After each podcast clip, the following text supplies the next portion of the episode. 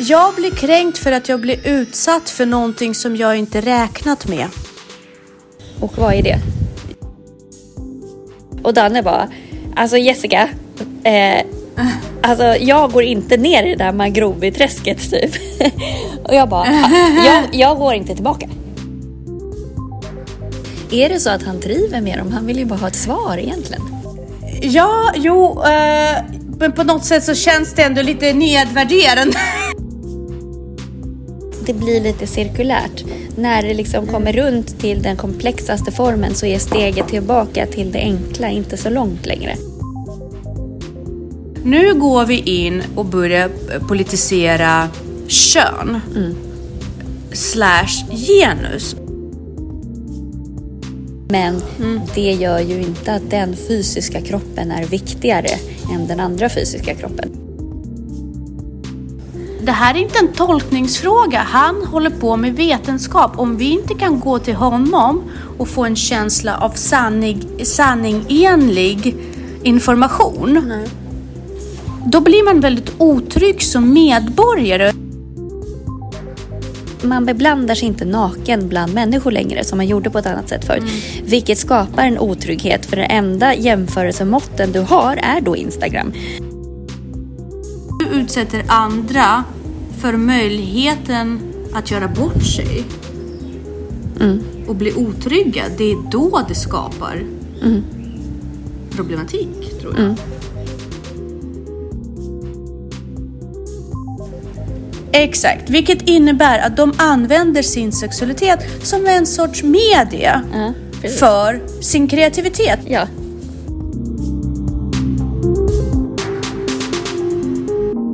Hej Jessica! Hej! Hur är det? Vi, det är bra. Vill du berätta var du är? Vill du berätta var du är? Ja, eh, jag är på Seychellerna eh, på bröllopsresa. Åh, är det, har, har du sett Twilight? Nej, jag har inte Eh, det. Nej. Du har inte gjort det? Ah, de var ju också på, på bröllopsresa på liksom eh, en ö. Eh, med väldigt så här, tropisk... Tropisk... Jag minns inte var de var, men de var inte Seychellerna. Men jag tror att de var i... Eh, Dominikanska där i trakten. Men eh, berätta, vad är det som är mest så här, slående där eh, i Seychellerna?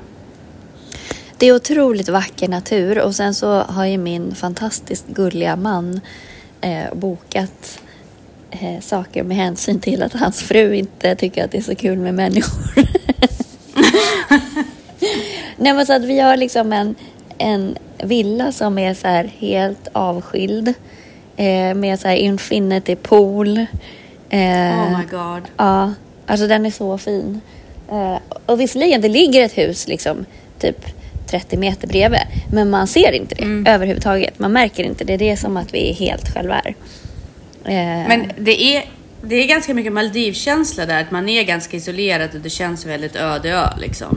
Ja, jag har inte varit på Maldiverna. Så att, eh, eh, Jo, men jag tänker, inte jag heller, men jag tänker från det man ser på, på eh, sociala medier och liksom eh, så. Det är väldigt mycket, det är en känsla av en öde ö, eller hur? Ja, det är så här, nej, alltså är är det inte öde, men att det är ju inte så många hus här.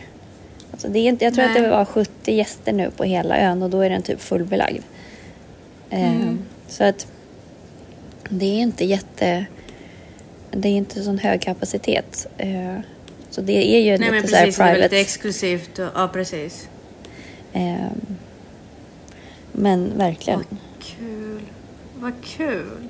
Och eh, maten får ni ju levererad dit, eller hur? Det finns inga så här mataffärer, utan det är inga, Nej, alltså det finns ju restauranger. ingen population. Så Nej, det, det- det alltså- finns... Eh, Det här är ju bara en res- resort. Eh, så Mm. att det finns ju, det är ju restauranger och så. Så att där, där går man ju och Mm. äter. Sen kan du ju absolut beställa så här invilla. Liksom att du Mm. tar hit. Men, men det är ju, det är ju room service liksom. gud, vad spännande. De är väldigt så service-minded och ja, superhärligt. Gud, så kul. Skulle du säga det här är en eh, resa av the lifetime? Ja, det är det väl. Jag kan tänka, alltså jag är så avundsjuk så jag sitter och så här droppar saliv. Dreglar över, över det här upplevelsen. Gud så spännande. Inte bara för att du får åka dit men för att du verkligen får åka dit med mannen du älskar. Det är väl det som är, det är. Ja men det är faktiskt superlyxigt att få vara här med honom. Och att vi Ja. båda har ungefär samma, båda vill bara ta det lugnt. Vi är inte så mycket så här hetsiga och hålla på och göra massa saker när man är borta. För att jag tror att både han och jag gör så mycket när vi är hemma och fixar med saker och liksom aktiverar oss och sådär. Så att den rastlösheten kan man komma undan den någon gång så är ju det, då Ja. ska man ju ta det tillfället i akt på något vis. Så jag, vi lyckas nog göra det när vi är borta så här. Så att vi, vi brukar faktiskt gå in för att så här, inte göra någonting. Sen om man känner för något någon dag så gör man det. Men jag blir snarare stressad av att så här, nu ska vi se så mycket som möjligt och nu ska vi... Mm. För jag åker egentligen inte utomlands för att se saker. Jag åker mer, Nej. eller liksom om man åker iväg någonstans så är det mer för att bara finna ro. Mm. Eh, vilket jag i och för sig kan göra hemma också. Eh, på Sandhamn eller på Djurö eller sådär. Men, men jag är inte... Där finns ju alltid, när man är hemma tänker jag, det finns alltid det här alternativet. Ja, jag precis. skulle kunna fixa det här, jag Ja. skulle kunna fixa det här. Det Ja. finns inte på samma sätt när man Nej. är liksom borta ur kontext på något sätt. Då kan man ju finna ro på ett helt annat sätt. Exakt. Och, Vad roligt. Åh, njut. Mm. Jag är så himla glad för dig och avundsjuk på ett bra sätt. Så gud vad fantastiskt för dig. Passa på. ja, nej men det är så härligt. Alltså, det är så vackert här. Har ni sett mycket wildlife och så? Alltså vi gick på en sån här hike igår. Eh, de bara, men om man går upp på berget så finns det några såna hike-stigar som man kan gå. Vi bara, ja men kul så här. Alltså de har ju verkligen stark tilltro till den individ, alltså individen här. Om man jämför med Sverige. Alltså det var typ en, en handskriven skylt rakt in i djungeln typ. Och så fick man lista ut var stigen gick. Och på vissa ställen så bara, eh, det ser ut som man skulle kunna gå här. Vi testar. Och Danne bara, alltså Jessica, eh, Alltså jag går inte ner i det där Mangroveträsket typ. och jag bara, "Ah, jag, jag går inte tillbaka. Alltså jag, jag kommer gå ner den här vägen. Jag, kommer, jag orkar inte gå tillbaka. Jag, jag, det, det finns inte på kartan. Och sen Ja. så bara, men här, här ser det ut som man kan gå. Jag går här. Han bara, "Ah." så, här, så följde han efter. Då kom det, jag bara, det här är ju en stig Danne. Det här är ju den tydligaste stigen hittills. Liksom. Så att då hittade Ja. vi tillbaka. Eller liksom, den var ju lite så otydlig och det var ju verkligen så att man kom ut på så stora klippor där det bara stup rakt ner. Alltså det var ju Oh noll säkerhet och ändå att de var så här Ja, men alltså man hittar lite och så här, där, för vi stod och pratade med han då som typ har hand om oss eller vad man ska säga. Eh, jag bara, man har ju verkligen tillit till folk här. Han bara, jo men det är ju bara, man kommer ju ner. Och så här, man bara, jag, eller jag bara, i Sverige skulle det här aldrig, skulle vara tydligt uppmarkerat. Det skulle liksom vara staket eh, på alla eventuellt farliga ställen och liksom mycket mer så här. Men det här var verkligen så här, det är typ managern som gillar att trecka. Så han har typ huggit upp några stigar som han gillar att gå på. Typ. Så det är verkligen så här. Och så var det så här stora spindelväv för så det var ju kanske inte så många som Oh gick där. Med så här spindlar som var typ så här en decimeter i diameter. Men de hade ju också sagt att det finns inga farliga djur här. Och då är det bara att gå på. Okej. Mm. Annars hade Ja. man ju varit rädd för typ att det skulle hänga någon orm någonstans eller... Ja men precis. Men finns det djur eh, som inte, alltså har ni sett djur? Ja, spindlarna. Och det är såna här Ja, för du- små, vad heter det, salamandrar eller såna här små ödlor. Ja. Ja just det. Och Okej. jättemycket fåglar. Ah. Men- Och det måste vara färdigstarkt och fint. Ja. Kul, vad spännande. Det känns nästan lite så här Laura Croft, Indiana Jones-aktigt när du berättar om Ja, det. Danne tog ju världens Laura Croft-bild på mig. Eh, Gud vad roligt. Åh, spännande. Åh, jag är så glad för dig. Gud vad roligt. Vilken grej. Ja, Helt jättehäftigt. otroligt. Ja, men speciellt att vara här med honom också. Han är ju en fantastisk Ja. människa. Alltså verkligen, han är, Ja, det är helt overkligt. Ja men det är det jag säger, du har ju alla komponenter där. Det är så himla spännande och kul att det är inte bara någonting man gör utan det är verkligen smekmånad med den människa som du har eh, fightats för rätt länge och din man som ni har gift er med liksom och sådär. Så det är ju Det är sjukt coolt. Lite så Hollywood-känsla över det. Hollywood-filmkänsla över det. Romantiskt och fint. Ja, nej men det är superhärligt.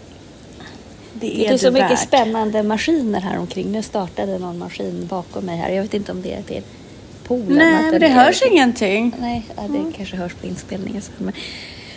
För man hör havet här där jag sitter men jag kunde inte sitta där inne heller för airconen var så stark också. Så Hur varmt är det för, på tal om det? det är lite för varmt för mig faktiskt. Eh, Mm, okej. Det är 27 typ. Ja, men ändå, man kan ändå överleva. det är inte över 30. ja. Nej, nej, gud nej. Nej, men det, det är liksom att man bara känner så här, oh, vad varmt det är. Eh, men det är inte så att jag börjar bli sjuk. Alltså jag tror Mm. Nej, att, alltså, men det, det, det är på gränsen. Alltså jag blir ju sjuk vid Mm. typ, ja, vid de här graderna. Men jag har klarat mig.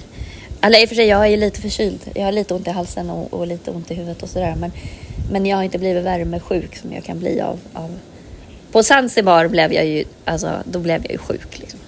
Alltså sådär. Ja, men du sa det. Ja, och samla vatten och få feber. Och, mm, precis.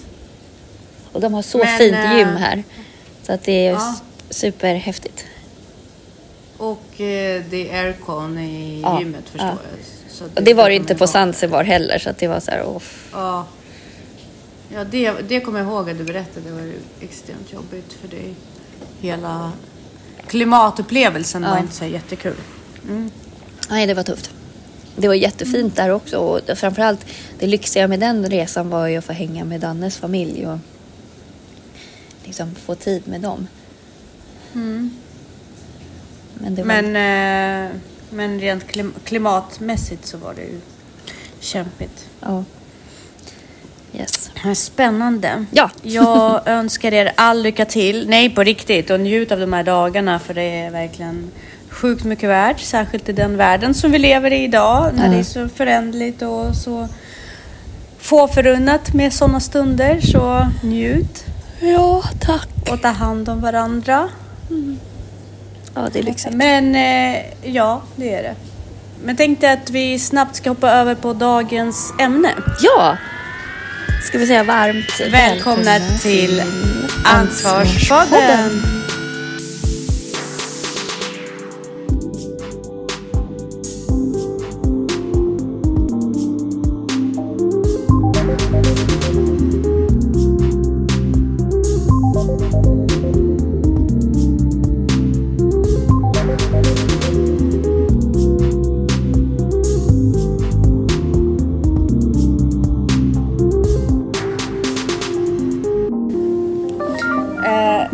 Ju tagit del av en dokumentär. Mm. Eh, och eh, den heter What is a woman? Och eh, den är producerad av Matt Walsh. Matt Walsh var en av dem som var med i diskussionen kring eh, eh, äktenskap och förhållande. Mm. Som vi hade här om dagen, eller här om veckan ska jag säga. Och han är ju då eh, programledare, skribent och allmänt offentlig person vad gäller liksom, Allmänt offensiv. Nej. Ja, precis. Allmänt offensiv person som är med i den amerikanska eh, s- statsvetarpratare. Liksom. Han är ju med i media och han tycker och tänker mycket. Så man skulle säga offentlig person inom fältet av politisk debatt. Eh, Youtuber, bloggare, alla sociala medier man kan tänka sig och så vidare. Och han har ju då gjort den här dokumentären och till grunden för den var ju bland annat debatten som uh, startade eh, Jordan Petersons offentliga karriär. Ja. Han är ju väldigt tajt med Jordan Peterson. Och det är hela genuspolitiken, hur den vänder nu i USA och Kanada. Och en av de mest eh, provocerande aspekter för hela den här gänget, konservativa gänget då, är ju hur det påverkar universiteter och högskolor och hur man väljer att se på statsvetenskap och den offentliga sektorn eh, genom en lins av eh, postmodernistisk marxism. Och lite det som är det själva provocerande grundstenen för dem. Och den här dokumentären grundar ju sig... Man måste ju säga att oavsett om den lyfter rätt viktiga frågor Mm. så är den ju gjort på ett väldigt provocerande och enkelsidigt sätt. Men den Det- är ju sjukt den är ju- rolig. Den är ju rolig. Ja, Den är jätterolig. ja, ja men det, den, den är det absolut. Och, men men den, är, den är också väldigt propaganda på sitt sätt. Ja, det är den ju. Fast jag tycker att den har en poäng. Ja, definitivt. För, för mig, det han säger är sunt förnuft. Ja. För mig är alla ståndpunkter Ja. av det Matt Walsh tar upp är verkligen sunt förnuft. Sen Ja. är inte jag jätteglad eh, för att han eh, driver med de andra aktörerna. Fast jag tycker att det är det jätteroligt. är sjukt roligt. Ja, ja, ja, jag tycker absolut att det är jätteroligt. Men för att man ska ta det för något... Eh... Men driver han verkligen med dem? Alltså vill han inte Vad bara du? ha ett, Är det så att han driver med dem? Han vill ju bara ha ett svar egentligen. Ja, jo. Eh, Och sen så- så på något på- sätt pekar- så känns det ändå lite nedvärderande. Jo, men Jag han vet pekar inte. ju på den här Antingen så befäng- nedvärderar de sig själva. Förlåt att jag bryter. Antingen nedvärderar de sig själva. Mm. Men för mig känns det som att i den här strukturen Mm. så, så är han så här väldigt förnuftig och sund. Ja. Och de andra är bara jubelidioter. Men förlåt, men nu kanske jag är superprovokativ här. Eller liksom, men är det inte lite så det blir när vänster krockar med höger? För vänster, vänsterpolitik är ju mer känslodriven. Vilket också om du tittar på den retorik som vänster använder så är ju den också väldigt känslodriven. Och jag tycker att den ibland är väldigt otäck i hur man uttrycker sig och faktiskt ser ner. Ja. Alltså vänsterretorik speglar ju en vilket är, är Människosyn. En, ja, men en, människosyn som är väldigt otäck, vilket är väldigt liksom, dub, alltså det är väldigt motsägelsefullt i sig eftersom vänster, om man tittar på proletariat och, och kommunism och så här, ska ju jobba för allas lika värde. Men det är ju inte det de gör utan det är mer så här Nej. största eh, kapitalistsvinen och liksom att man fortfarande ser ner på. Och den retoriken har inte högersidan på det sättet. Och där kan man ju också, om man tittar på våran politiska scen, så tycker jag att det är rätt otäckt att, att vänstern, för att är, kommunism är ju fortfarande kulturellt lite fint och kulturen är fin. Så att vänstersidan, om man tittar rent objektivt på det, kommer ju undan med en retorik som man anklagar. Inte skulle acceptera Ja, i men, något men annat fält. Samtidigt som de, det är exakt det de anklagar typ Sverigedemokraterna för att ha som retorik. Mm. Fast de själva gör exakt likadant. Vilket gör att eh, jag tappar ju förtroende för den typen. Alltså det, det, det, då är vi ju där. Det här är känslomässigt drivet. Det finns inga liksom, rationella Mm. argument bakom. Och det är väl det som han går på också. Och det är det som blir så otroligt tydligt i den här dokumentären. Att Ja. det, är bara, det är bara underförstått att alla ska förstå. För, för han, han vill ju bara ha svar på frågan liksom, what's a woman? Ja. Alltså om man kan byta Ja. kön till någonting, vad är det man byter till till exempel? Eh, och är det rimligt att minderåriga ska få byta kön om man inte ens kan Ja. definiera till vad det är för någonting? Men då är det så underförstått att så här, man ska bara förstå what's a woman fast det är liksom ingen som kan sätta ord på det. Jag tycker att det var så skönt när han bara okej, ingen i USA kan svara på det här, ingen i Europa. Vi åker till Afrika. Och när de bara frågar så här, ja. ja, eh, ja men vad, vad är en man och en kvinna? Och de bara, ja men en, en man har en penis och, Klockren, och en liksom. kvinna har en Ja. vagina. Och sen så han bara, men om kvinnan har en penis då? Han bara? Exakt. Det var så här, "Va- men vad är ditt problem? Vad är det du säger, liksom? Så här, bara, är du dum i huvudet eller? Eh, och det är Är liksom, du dum i huvudet? Eller när de säger så här, ett sånt land skulle inte vi vilja bo i. liksom. nej, och då blir Där kvinnor har penisar. Nej, men det, det är också så här att det är en superkomplex fråga och samtidigt när Fast saker blir så komplexa så är det, alltså i och med att det blir lite cirkulärt. När det liksom Mm. kommer runt till den komplexaste formen så är steget tillbaka till det enkla inte så långt längre. Alltså förstår du vad jag menar? Nej. Att cirkeln sluts och då liksom, det är inte... Sen så är det klart att det här med identitet och liksom, det är svårt. Men Men, det finns men ju fortfarande här, en biologisk definition av Ja. vad en kvinna är. Och jag tänker så här, den här filmen lyfter i mina ögon flera problem. Eh, det ena problemet är ju då att vi har gjort kön till något politiskt. Precis. Eh, Det tycker jag är problematiskt och det måste vi börja... Jag, jag tror att det är ändå ur, ursprunget till allt det här. Det är att förr i tiden så var inte allting politiserad Nej. på samma sätt som det är idag. Privatsfär var inte pri, p, p, politiserat som det är idag. Det har definitivt tagit med sina fördelar eh, med i bilden för samhället. Att man har politiserat vissa delar. Till exempel barnens säkerhet, barnens eh, lika rätt till utbildning etc. Självklart. Men då, då har vi säkrat det statliga kapitalet för framtiden. Vi har säkrat att barnen kommer kunna producera i framtiden. Då förstår jag det har varit politiskt. Självklart. Absolut. Fördelaktigt. Toppen. Sen så, har vi privati- eh, sen så har vi politiserat det faktum att det fanns ojämlikheter mellan män och kvinnor vad gäller lönesättning och möjligheter i samhället. Bra, då har vi avvärjat det, vi har pratat om det och vi jobbar för det. Vi inser ju alla att det finns, det fanns i alla fall en eh, maktbalans där, ojämlikhet och vi har då alla konstaterat att vi vill bort ifrån den och ge alla möjligheter att välja fritt och sen att kvinnor dras till vissa fält av sin natur, om man nu ska, om man nu ska våga uttrycka sig så efter den här dokumentären så är det upp till kvinnor och män hur man, eh, hur man fördelar sig på, på marknaden på egen hand. Men alla har lika mycket möjligheter. Då har vi privatiserat det. Nu går vi in och börjar eh, politisera kön. Slash genus. Och här är det väldigt viktigt. Det här, här kommer vi till den andra eh, den andra problematiken som vi har då, som jag upplever uppkommer i den här eh, filmen, där politiker bär sig in på ett fält där de inte har något att göra. Vi har kön som är medicinskt, som är bevisat, som forskas på utifrån biologi och hur vi funkar som människor, hur vi är beskaffade rent fysiskt. Det är ju då eh, uttalat även i filmen, det har att göra med vår DNA. Så är man beskaffad av DNA som är kvinnligt, som har de kvinnliga DNA-cellerna eller generna, så är man en kvinna. Det är fysiskt kön. Är man, Har man inte det så är man en man. Fine.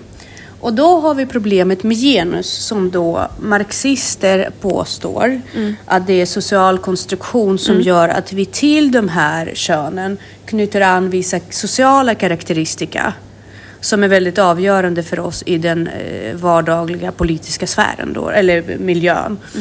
Och där tänker jag så här, den biten ska inte politiseras. Varför inte det?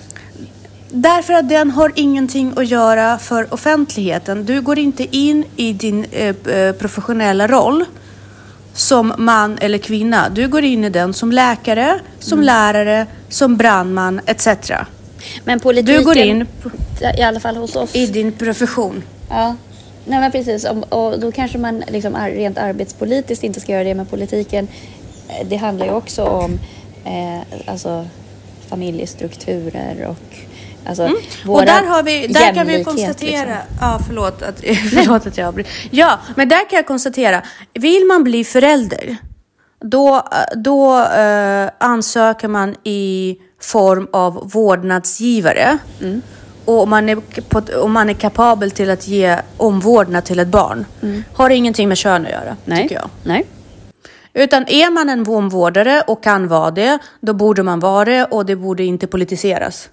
Utan det som ska säkerhetsställas är det om du är kapabel ekonomiskt, om du inte är eh, sexuell, eh, dömd för sexuella brott etc.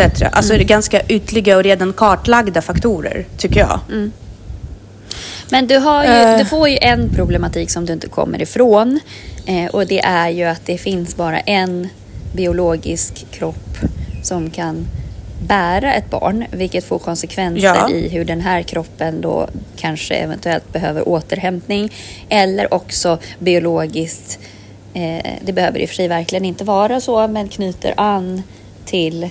Jag hävdar ju att, att eh, man, så länge du liksom inte har, far, alltså, har men av en förlossning så är en man och en kvinna exakt same same lika att ta hand om ett barn. För ett barn behöver näring, mm. behöver närhet, det behöver... För ett sam sekund som du säger att mamman är viktigare så säger du att alla barn som har blivit av med sin mamma har en sämre förutsättning i livet och jag tror absolut inte att det är så. Jag, jag tror absolut att det är inte könet Sen så är det lättare Nej. för en mamma till exempel att amma på natten eller liksom det, man är konstruerad så att det liksom finns lite underlättande faktorer. Men mm. det gör ju inte att den fysiska kroppen är viktigare än den andra fysiska kroppen. Däremot så finns det ju många, alltså det är svårt att koppla loss psyket från det här att vara, alltså modersinstinkten är ju väldigt stark. Ja, alltså... Jag tror att fadersinstinkten är lika stark hos en pappa som inte får konkurrens av en väldigt dominant mamma. Men sen har ju vår kultur mm. också, det är det enda området där kvinnan är oemotsagt eh, ja. liksom, makt, har, har oemotsagd ju... makt. Att, att män backar ju, även fast de ja. har lika stark instinkt eller lika starkt. Men det finns liksom, du går inte ens in och tassar eller säger emot en mamma som, som har åsikter om sitt barn. Eh, så att det är också en konstruktion, samhällsmässig konstruktion. Och den måste vi också komma ifrån och erkänna. Ja, men det, det, det ska ändå regleras lagmässigt, mm. inte identifieringsmässigt. Nej. För att genus har att göra med självidentifiering. Ja, med självbilden ja. Självbild. Mm. Och där pratar eh, så om vi, om vi går tillbaka till det här att mm. vem som helst kan uh, ansöka om att vara en vårdnadshavare. Uh, mm. uh, rätt, rättsligt. Det spelar mm. ingen roll om du är man eller kvinna eller hur du är. Så länge du, eh, så du, så länge du kan prestera som vårdnadsgivare så borde du ha tillgång till, till den möjligheten. Mm. Så. Mm. Uh, gifta dig, det är också uh, upp till dig vem du bildar den mm. union med. Rent eh, från staten är ju det en säkerhet för att man ska producera avkomma men vi har ju också kommit bort ifrån det. Ja men vi kan ju adoptera och, ja precis. Exakt, så att det, det, är inte längre på något sätt statligt, eh, någon statlig säkerhetsspärr. Det är kulturellt betingat, that's it. Mm. Så då tycker jag att gifta sig borde alla som vill få göra det. Sen om vi ska le, prata om monogamt eller eller eh, vad är det det heter? Polygamt eh, giftermål. Mm. Det är en annan debatt. Det har ingenting att göra med dagens ämne. Utan vi utgår nu bara från mm. kön, mm. genus och det här traditionella. Mm. Eh, så gifta sig borde man också få göra utifrån eh, vem man själv väljer. Det ska mm. inte dikteras av staten. Så. Punkt slut. Mm. Så vart mer? Är det omklädningsrum? Vart är det mer det spelar någon roll? Alltså alla... Eller ja, men precis, det, vad, alla det, vad, intima... Vad vill vi åt? Alltså alla intima situation. Alltså så länge det, grejen är den, alltså det här har ju Alexander Bard hade ju en spännande utläggning om det också. Just det här att kön kommer alltid vara ett problem så länge män och kvinnor jobbar på samma arbetsplatser. Mm. Alltså för ja, att exakt. Det, fin, det finns ingen eh, det finns ingen arena där den sexuella spänningen går att ta bort. Eh, förutsatt då att Nej. du har ett, liksom, eller om man utgår från liksom eh, så men där har du också enda... ett problem då om du har liksom, okej, okay, om vi har bara kvinnor på en arbetsplats, men det finns ju fortfarande, det finns ju fortfarande alltså, attraktion mellan kvinnor och attraktion mellan män. Så, att, så egentligen, Exakt. så länge, då får man också ta det, så, så länge människor beblandar sig ja. så kommer det alltid ja. finnas sexuell spänning. Så länge, exakt. så länge vi tillåter sexualitet Mm. Eh, så att vi måste ju skapa då arenor som då Antingen så tar man bort det helt, att så här, nakenhet, no big deal. Alltså som mm. med barn, alltså förskoleklassbarn kan ju byta om i samma omklädningsrum utan att någon bryr sig. Mm. Det här är ju bara en social konstruktion, att det då skulle mm. spela någon roll när man blir lite äldre för att vi börjar se olika ut och det finns en sexuell. Men tar man bort den sexuella, eh, det sexuella antagandet i, mm då har vi ju, om vi tar bort den samhällskonstruktionen, då borde ju inte omklädningsrum spela någon roll. Eh, och också ta bort det socialt accepterade eh, påståendet att män inte kan behärska sig. Ja, precis. Och, och det, det, är också en... Men det är en, det, inom det här så är det inte det som är problemet inom debatten om vad är en kvinna eller utifrån mm. den här problematiken, hur man identifierar sig, så är inte det ett problem. Sexualitet är inte ett problem. Vi, vi ifrågasätter inte den sexuella spänningen i skolan därför att vi har gjort sexualitet vad gäller mellan vuxna och barn olagligt. Så så länge vi gör, nej för det finns ju människor som attraheras av barn och vi kallar dem pedofiler. I USA har man valt, men det har det börjat väl... bli mer tendens. Ja men det, alltså, det måste vi, väl ändå vi, vara en störning, så... alltså det har man ju väl kommit fram ja, till att det är ja, en störning. Jo, jo. Men det är precis som, eh, som, som seriemördare har mm. gjort eh, illa sin hjärna oftast. Mm. Och också har en... Oavsett vilket, där vi tillåter sexualitet mm överlag. Mm. Där det är legalt att utöva sin sexualitet, alltså över 18 år, ma, uh, ute på krog, alltså överlag, mm. så, så, uh, så, så får vi räkna med sexualitet. Mm. Om, vi i, om vi pratar om omklädningsrum på gymmet mm. till exempel, mm. eller omklädningsrum på arbetsplats. Mm. Om vi inte vill uppmuntra till sexuellt omgänge eller sexuellt samspel, då borde vi bara gå över till individuella omklädningsrum. Eller hur? Ja, Tänker det, jag. Ja, men det har man inte samhällsmässigt råd med. Nej, och, och, då kan man ju också säga men, sådär att nu, jag som kvinna, jag som kvinna, om vi mm. säger så här att en man, en man med snopp mm. identifierar sig som kvinna och går in till kvinnligt äh, omklädningsrum och ska byta om dem där bara på premisser av att han identifierar sig som kvinna. Mm. Han utsätter mig mm. för obehag. Jag det, känner det mig kränkt. Ditt, ja, men det är ju ditt huvud.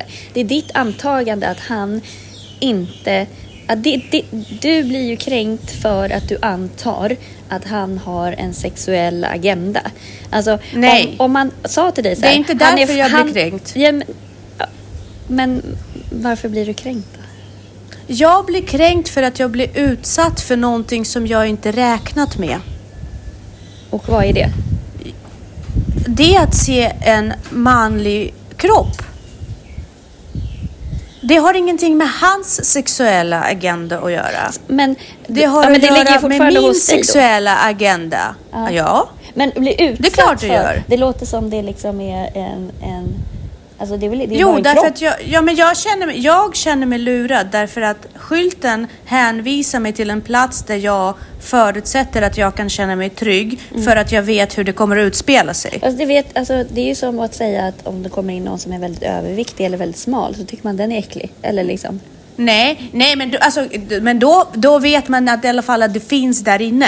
Man, man kan räkna med det. Så att om vi bara sätter upp en skylt där det står så här gemensamt eh, omklädningsrum, då är du inte kränkt? Nej.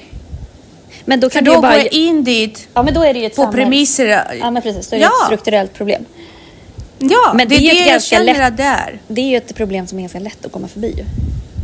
Ja, jag kan byta om i, i uh, handikappstoaletten. Jag har inga problem med det. det är inte, jag, kan bara, jag vill bara veta vad jag kan räkna med i de olika sfärer. Jag mm. behöver tydlighet. Här mm. finns det ingen tydlighet och det är det som är den andra problem, det tredje problemet i den här filmen. Det är, det är inte att hur man, de identifierar sig. Eh, de får identifiera sig precis som du vill. Det är hur jag kan känna att mm. jag kan orientera mig i det här mm. för min egen trygghet. Mm. Det är det som är det problematiska. Mm. Jag har ingen problem att lära känna en man som identifierar sig kvinna och, se, och referera till honom som en kvinna. Nej. Det har inte jag. Nej. Men däremot om jag går in i ett rum och säger uh, ursäkta här mm. och så får jag en man som vänder sig om och blir jätteoffended. Uh då är det ju jag som är utsatt för en otrygghet. Mm. Därför att jag har inte fått tydliga instruktioner, samhälleliga instruktioner om hur jag ska uh, uppföra mig. Nej. Det gör ju mig utsatt. Det gör ju mig att jag känner mig som värsta kränkande personen. Jag blir mm. utstött från flocken. Det väcker rädslor i mig. Mm. Det enda jag tycker är problemet är att man inte har en tydlighet. Och det som är ännu mer skrämmande det är att professorn på den amerikanska eh, universitetet, då, de mm. säger inte vilken universitet det är, men, men han, eh, eller jag kanske har missat det, men han som är statsvetenskaplig eh, professor mm. på det fakultetet kunde inte rakt besvara en fråga. Varför frågar du, svarar han. Det här är inte rabbiner som diskuterar och tolkar Tora. Nej. Det här är inte en tolkningsfråga. Han håller på med vetenskap. Om vi inte kan gå till honom och få en känsla av sanning, sanningenlig information. Då blir man väldigt otrygg som medborgare. Jag tror att det är det som gör att många blir provocerade. Precis som den gamla mannen blev som äger den här butiken och det är svårt att hela tiden referera så att våra lyssnare kan hänga med. Det är en äldre man som äger en butik och det kom in, en kund och han sa till honom någonting i stil flytta på dig mannen och han precis som i, den, i det exemplet jag drog han bara jag är inte en man, jag är en kvinna och han bara nej du är en man, du har skägg. Och så blev det värsta kränkande episoden. Det är ju det som är problemet, det är att man är osäker som människa. Och om, jag ska, och då, om vi ska ha då att jag måste gå in och säga till alla ursäkta mig hen, ursäkta mig eller inte få använda pronomen. Då går vi in till en Jordan Peterson problematik. Då kontrollerar vi språket. Och det är kränkande mot våra rättigheter. Förlåt, jag hade värsta monologen där men jag tror att jag, jag, jag har haft väldigt mycket känslor kring den här filmen. Så jag tror att problemet med könsidentifiering det är att när, när du utsätter andra för möjligheten att göra bort sig och bli otrygga, det är då det skapar problematik, tror jag. Vad känner du vidare i det här om vi gå- går över till tonåringar och barn som har nu rätt? Ja, du, är ju, du tangerar ju ett som jag ser som ett stort samhällsproblem idag. Eh, just i tsunamin av den här individanpassningen. Det här med omklädningsrum och hur individanpassningen kommer skada vår sexualitet längre fram. Eh, för i och med att du och också hela den här hetsen, man, man lägger skulden på sociala medier kring alla kring tjejers otrygghet kring sina kroppar och killars otrygghet kring sina kroppar. Den, ja, där spelar skolan en jättestor roll. Eh, att, och även våran uppfostran av våra barn, att vi är mindre och mindre eh, Dels för att föräldrar själva tycker att det är obehagligt men att det här att röra sig naken i, off, inte offentliga rum men ändå att det Alltså jag känner så många i min ålder som bara, nej men jag ska aldrig åka till ett offentligt badhus eller byta om offent, alltså i ett sånt.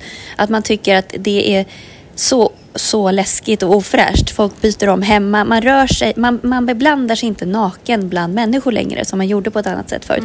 Vilket skapar en otrygghet för den enda jämförelsemåtten du har är då Instagram. Eller sociala medier eller retuscherade bilder. Jag tycker att man borde åka alltså under skolgången ett par gånger per termin. Åk till Eriksdalsbadet och titta på hur verkliga människor ser ut. Så kommer alla må mycket, mycket bättre. Och även om det är så här, ja men man byter ju om på gymnastiken, det gör de ju knappt, de duschar ju inte längre liksom så. Men det är ändå bara jämnåriga. Det är en väldigt, väldigt liten referensgrupp. Du behöver liksom se 63-åriga Agda. Och också så här att du är beredd på vad som händer med din kropp. För barn ser ju knappt sina föräldrar nakna heller längre. Och att du liksom är beredd. Så att du inte står där när du är liksom 43 och bara What the fuck?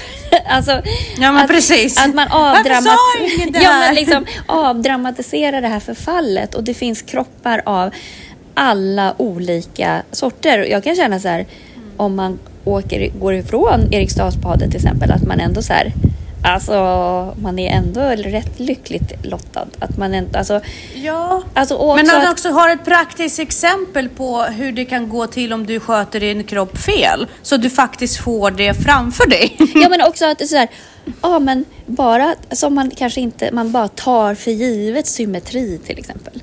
Alltså Ja, asymmetri är ju det vanligaste bland kroppar. Men Ja. det är ingen ung människa som förstår det. Nej, tuttar ser olika ut. Ja.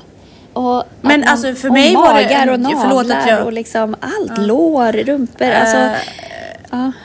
Eh, v- vad heter det? Hårstrån kring eh, bröstvårtor.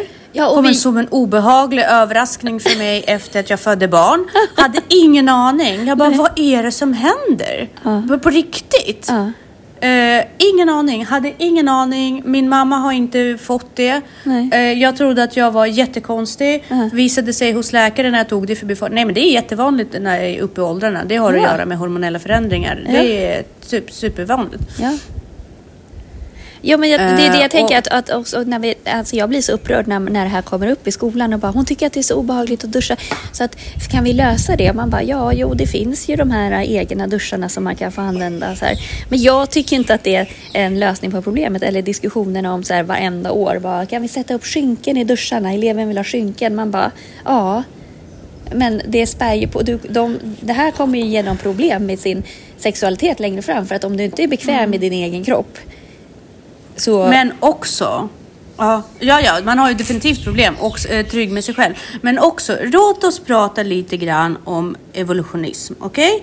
För att naturen är ju mycket smartare än vad vi är. Vi, vi, vi har ju väldigt mycket som talar för att naturen har gjort det här några gånger. Vi återuppfinner hjulet varje livssekel. Ja. Liksom, Ja. livs, ja. Så att eh, nu, nu pratar vi så här. Nu i USA, då i vissa stater, så är det helt okej för barn, ja egentligen från vilken ålder som helst, så länge en vårdnadshavare tillåter det, att avstanna med hormoner, könsutvecklingen, alltså eh, att man tar bort köns, eh, könsmognad i barn, tills de känner sig säkra på vad de identifierar sig som. Okej? Eh, jätteläskigt, tycker jag. Därför att eh, en av anledningarna till varför det är jätteläskigt, det är för att vi av naturen är beskaffade till att eh, när vi börjar komma upp i åldrarna, könsmognad, att vi ska säga ifrån oss vår vanliga flock. Vi, tycks, vi ska tycka att den är obehaglig och otrevlig och ut och söka oss till det som är mer attraktivt för att få mer genetisk mångfald. Eh, eller hur? Så tonåringar tycker per definition, alltså rent hormonellt, det är att föräldrarna är jobbiga och så vill de ge sig ut och umgås med sig lika. Okej, det betyder att vår naturliga utveckling gör att vi ska vara flexibla i våra hjärnor under den här tiden. Det är normalt för oss att undra vem vi är. Det är inte abnormt. Nej. Vi ska alla ifrågasätta vår sexualitet, vår genustillhörighet, våra grundande värderingar. Det är då vi prövar det. Det är i princip då vi vet vad vi vill ta med oss och vad vi vill slopa och inte ta med oss. Och det här lägger sig i 25 års ålder först. Så att osäkerhet mellan 13 års ålder och 25 vad det gäller sin individualitet är biologiskt normalt. Mm. Det är normalt att vi är mellan dalar och toppar. Ja. Det är normalt att vi upplever ångest. Det är inte normalt att vi själv skadar oss. Men om vi tar den här skalan då av alla tonåringar som är där ute. De är inte heller alla likadana. Och det här pratar ju Jordan Peterson upp i en annan bok väldigt tydligt också. En annan intervju till och med. Där han säger så här. Kreativa människor, de som vi ser kreativitet hos. Och det kan vi ju konstatera att både män och kvinnor finns mindre kreativa och mer kreativa. Mindre fantasifulla och mer fantasifulla. Tenderar att vara mycket mjukare i sin sexualitet än de som inte är lika kreativa. Det vill säga att Bland människor som är bohemer, eh, k- mer kulturen... Jag vet, jag vet inte hur jag ska säga det här utan att någon ska känna sig förolämpad. Mer kreativa människor har flexigare sexualitet. Ja, men det är väl för att man Därför har en flexiblare hjärna. Kreativitet handlar ju Ja. bara om flexibilitet. Exakt, vilket innebär att de använder sin sexualitet som en sorts media Ja, precis. för sin kreativitet. Precis som de gör med allt annat. Sätter man en, en kreativ människa på en tråkig middag med en servett framför kommer den vika en svan eller göra en gubbe. Det är oss du säger det här väldigt, väldigt tar det här personligt. Det är oss det naturliga. Jag, kan, jag har alltid lekt med maten. Jag ser inte varför det är ett problem. Annan kan se, tycka det är jättejobbigt och eh, respektlöst att jag håller på så. Nej, det är det inte. Jag är så som person. Jag menar inget illa. Jag kommer sluta om jag blir ombedd. Men det kommer inte komma mig naturligt att inte leka med maten. Och jag skulle verkligen inte se det som en förolämpning mot den som har lagat den. Tvärtom. jag skulle, ja. Och därav finns det också då en eh, 15, 20, jag vet inte siffror, men en del av de här tonåringarna som kommer alltid ta allt till sitt yttersta. Även sexualitet. Ja, men hade jag Men- fått bestämma själv, alltså hade, hade- hade det funnits den, då hade jag säkert velat bli kille, för det ville jag vara ett tag. Men Ja. det, var ju, hade ju varit väldigt dumt. Alltså det var ju bara ett, sökande. Och det tror jag också så här, det är också ett sökande för att förstå den andra parten. Ja, och om man också definitivt. söker sig runt, liksom experimenterar med olika kön och man experimenterar, Mm. alltså så här, sen landar man ju i kanske där man var från början fast med en större förståelse för sin framtida partner eller sin liksom, ja. Mm. Ja, jag, är, jag kan säga så här, idag är jag en heterosexuell monogam kvinna, så Ja. är det. Ja.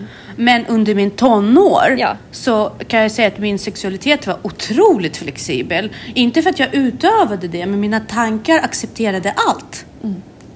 Jag trodde definitivt att jag var bisexuell. Ja, och jag trodde definitivt att vi, om jag skulle hitta rätt partner så skulle jag kunna svänga åt det hållet. Det var min absoluta, eh, min absoluta sanning när, när jag var ung. Och jag, för, jag, jag förkastar inte det för dagens tonåringar heller. Nej. Jag tror bara att vägen för dem att hitta sig själv är mycket, det tar mycket längre tid. Oavsett vad de landar i så måste de få göra det. Däremot, däremot att propagera för att du kan välja ditt kön är inte samma sak. Därför att vi bör landa i en fast sexualitet. Alla gör ju inte det, vilket är okej. Men man måste gå igenom hela vägen och, och slutresultatet måste ändå vara att manligt och kvinnligt, det är det normala. Allt annat måste du, hålla, du måste förstå att det är inte normalt utifrån det biologiska mångfalden, inte utifrån det sociala. Du kommer inte bli mindre respekterad förhoppningsvis. Men Nej, för du genom måste leva normalt med... så menar du hur en befruktning går till. Ja, ja, ja, jag menar bara den biologiska faktorn, kön, som är DNA. Inte det sociala. För att allt annat har du rätt till genom att du bidrar till samhället. Du har rätt att identifiera dig som vem du vill. Ja. Men rent, rent medicinskt Ja. Så är du antingen man eller en kvinna. Och normen där är heterosexuellt på grund av att vi ska kunna fortplanta oss in i framtiden. That's it. Om du är inte där, okej, men lev då med insikten om att det, det är inte normen. Men jag tänker Rent så här, fysiskt. alltså det, det kanske finns parallella spår också. Alltså fortplantningen baseras på en heterosexualitet. Men Mm. den kan ju också vara rent mekanisk. Alltså jag tänker att, för det finns ju homosexualitet ganska utbrett mellan djur och sådär också. Att vi kanske, Ja. vi har bara låst det vid fortplantning. Men sexualiteten är en sak, självklart. Eh, men, Mm. men vi kan ju också fortplanta oss utan sexualitet. Alltså förstår du? Alltså utan Ja, attraktion alltså jag tror att det är eller vad man ska säga. Alltså att den, Ja. om vi bara ser fortplantningen som en mekanisk process så behövs det en hane Mm. en hona. Men det kanske inte har med... Ibland så lirar det med attraktion men du behöver inte göra det. Alltså så att, Men, Äh. men det pekar ju också på att en, en, en unge behöver inte sin pappa för att överleva. den behöver inte sin mamma vuxen. heller. Ja men precis, behöver inte sin Nej, mamma precis. heller. Den behöver en vuxen. Ja. Det, det har ingenting att göra med att de ska, de ska inför Gud ingå ett äktenskap. Utan det har att göra med att ett barn rent fysiskt behöver en, en vårdnadshavare därför Ja, att vi är precis. beskaffade på så sätt att vi klarar oss inte på ett Nej. annat sätt. Nej. Eh, Så det har absolut inget med attraktion att göra. Vi behöver inte heller vara monogama. Vi behöver inte heller vara polygama. Det har ingenting med saken att göra. Det som har med saken att göra är att om vi ska leva i samhällen så måste vi försäkra oss om att fortplantningen och omvårdnaden av barnen eh, fortskrider. Precis. Men då för att runda av det här då med, han får ju aldrig svar på What's a woman. Eh, och det ironiska är ju att han går ju till genusspecialister och de som man tänker ska kunna svara på det här. Men de är ju de som minst kan svara på det. Och då kan man ju säga, ja men det är en sån komplex fråga så det finns inga svar. Om det inte finns något Tror att de svar. är rädda. Ja, men alltså det här visar ju också hur svårt det är för den här politiskt korrekta arenan. Mm. Alltså återigen det här att det har blivit så komplext så att det är inte så jäv, jäkla komplext. Alltså så här, det är bara... Sexualitet har ingenting att göra på den politiska arenan. Sorry. Nej, nej, jag kommer alltid hålla fast vid det. Ja, och så här, Rättssäkerheten har, eller säkerheten. vad, vad är det som är så problematiskt med, förutom att så här, eh, alltså genus och kön, det är som du säger, liksom, ska ju inte hänga ihop. Alltså, Nej. det, Nej. och när du inte kan definiera vad som är en kvinna, då har du ju egentligen rangordnat det. Alltså du har, Mm. om du inte kan definiera det, då har du redan där en norm som Mm. du är rädd att trampa på, vilket betyder att dina tankar inte är rena liksom på så sätt att, för att om du är, Exakt. är rädd för att uttrycka dig på ett sätt som då om det är hierarkiskt eller så. Alltså, jag, jag vet inte riktigt varför det är när så himla professorer svårt. inte kan uttrycka sig. Ja, jag är varför de- jätterädd för, för, för vetenskapsmän Mm. eh, och akademiker som inte kan ge svar. Nej, Det är deras jobb. Det Ja, är deras precis. jävla jobb. Ja, men sen så kan man ju, man kan åtminstone ge ett svar med reservation, tänker jag. Att så Mm. här, ja, eh, man kan uttrycka sig så här och så här och så här och så här. Ja, men- men, att inte kunna men- svara alls. är det bättre Exakt, att ge ett svar- bolla tillbaka frågan. Ja, men att du liksom, det, det är ett, ge, hellre ge ett svar då med reservation som du utvecklar och liksom försöker Mm. Eller säga definiera. så här, jag jobbar på den här teorin, Ja. det här är min tes, det är det jag prövar. Sen Ja, vet precis. inte jag vad jag kommer komma fram till, Nej. men det här är min hypotes som jag har byggt upp och det här är det vi jobbar på med nu. För och jag- utifrån den hypotesen kan jag svara så här. Ja, för att jobbar du med genus och inte kan definiera vad Ja. kvinna är, då kan du ju inte, ingen forskning du gör, alltså du måste ju fortfarande, Nej. det är grundläggande i forskning att du definierar olika Du begrepp. måste ha definitioner, precis. men Helt en rätt. av de där Men- forskarna men- bollar tillbaka och bara, vad tycker du att det är? Man bara, ursäkta? Ja, exakt. Men varför får du en sån lön om jag ska svara på frågan? Ja. Eller position eller status. Va, va, va, vad bidrar du med? Ja. Vad är det du ger mig? Om vi pratar om till exempel vilken annan fält som helst. Låt oss bara för att jag nyss har tittat lite grann på kvantfysik och jag återgår alltid till stringteorin för att jag tycker att den är fascinerande. Där har vi ett fält där man uttalat säger vi har kvantfysik, vi har rela- relativitetsteorin. Det ena jobbar på mm, minimalistisk nivå, det andra jobbar på maximalistisk nivå. Vi har ingenting som knyter an dem. Nej. Det enda som knyter ihop de här två och säger att båda två är, eh, är eh, aktuella är stringteorin. Men stringteorin går inte att bevisa Nej. endast matematiskt därför att vi har inga definition, defi- eh, de- definitioner som, som kan gö- göra det möjligt för oss att bevisa den är sann. I teorin är det så. I praktiken, vi jobbar på det. Vi vet inte. Och ändå så har eh, mannen som har eh, eh, burit fram stringteorin fått Nobelpris. Även om det bara är en teori. Fine, jättebra. Men, men, men, och här kan man ju som professor säga att vi har kön, vi har genus och hur vi knyter ihop dem har att göra med vår kulturella bakgrund. Bra!